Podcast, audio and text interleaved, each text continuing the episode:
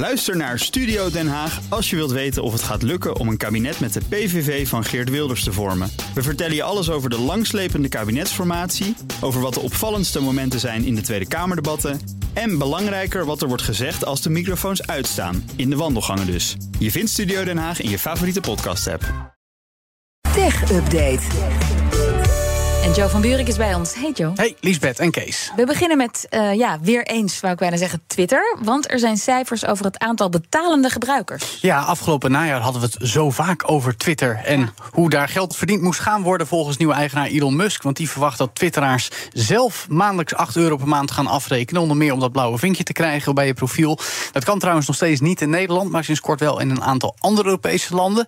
En nu weten we waar ter wereld en ook hoeveel mensen dat nou eigenlijk ongeveer doen.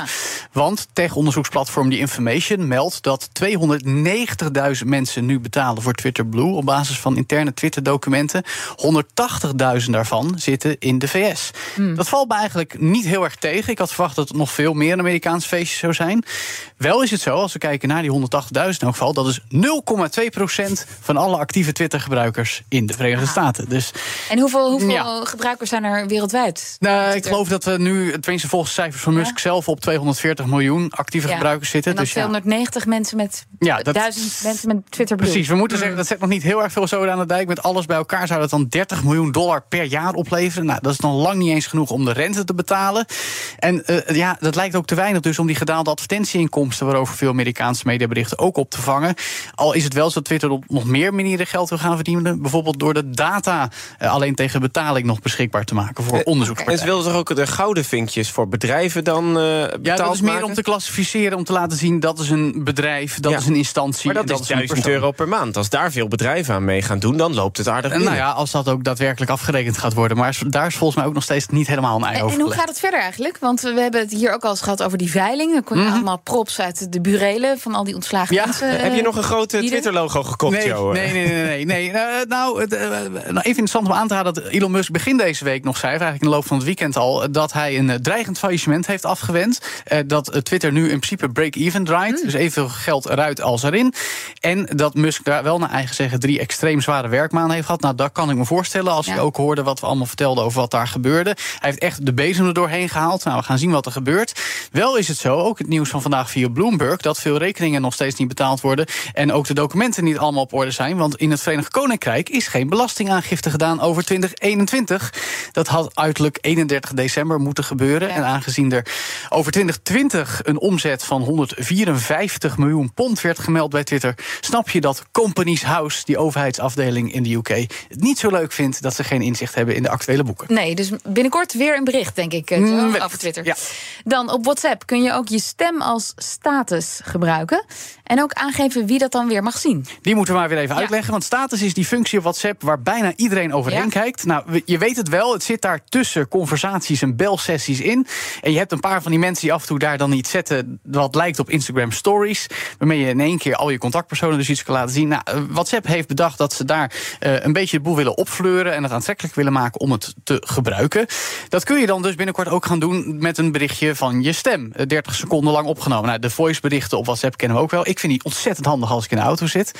en niet iets kan tikken, maar toch iets wil zeggen Ja, tegen ik iemand. denk altijd, we hebben met succes afscheid genomen van de voicemail. Hm? Het kost allemaal zoveel tijd, dus je dat allemaal moet afluisteren. Ja, nee, Dus- dat is veel gedoe. Maar dit is gewoon play en dan hoor je wat iemand gezegd heeft. Gewoon een voice memo die je verstuurt. Ik vind het wel lekker in de auto als ik dan geen tijd heb om te typen. Precies. Nou, dat heb ik dus ook. Oké, twee Eh, fanboys, ja. Ja, nee, goed. En je kan dus ook gaan reageren op status stories met emojis. Nou, dat lijkt dan weer verdacht veel op wat we op Instagram al gewend zijn te doen.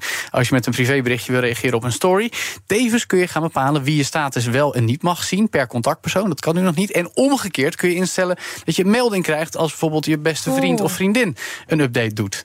Dus ja, ga je nu de status. Nou ja, ik heb wel gebruiken? Instagram. Ja. Dus als ik iets te delen Dat is heb, ook ik daar. Ja, Ja, daarom. Prima toch? Allemaal hetzelfde. Komende en we week hebben wordt nog tijd, ja, we hebben nog even tijd over de, om te praten over de wat tegenvallende kwartaalcijfers, namelijk van Nintendo. Ja. En hoe dat bedrijf gelijk al het tij wil keren. Ja, de verwachtingen voor omzet en winst voor het komende kwartaal zijn naar beneden bijgesteld. Er wordt nog gerekend op een operationele winst van omgerekend 3,3 miljard euro.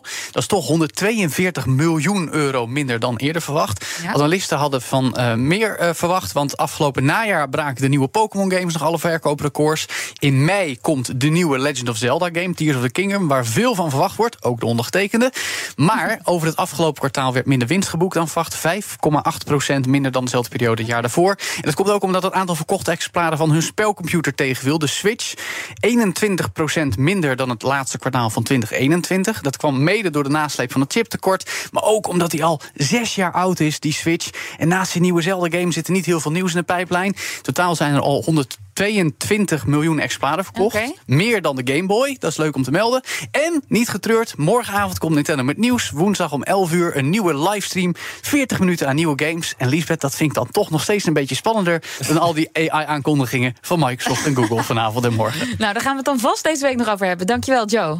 De BNR Tech Update wordt mede mogelijk gemaakt door Lenklen. Lenklen. Betrokken expertise, gedreven resultaat. Ook Bas van Werven vind je in de BNR-app. Ja, je kunt live naar mij en Iwan luisteren tijdens de ochtendspits. Je krijgt een melding van Breaking News. En niet alleen onze podcast Ochtendnieuws, maar alle BNR-podcasts vind je in de app. Download nu de gratis BNR-app en blijf scherp.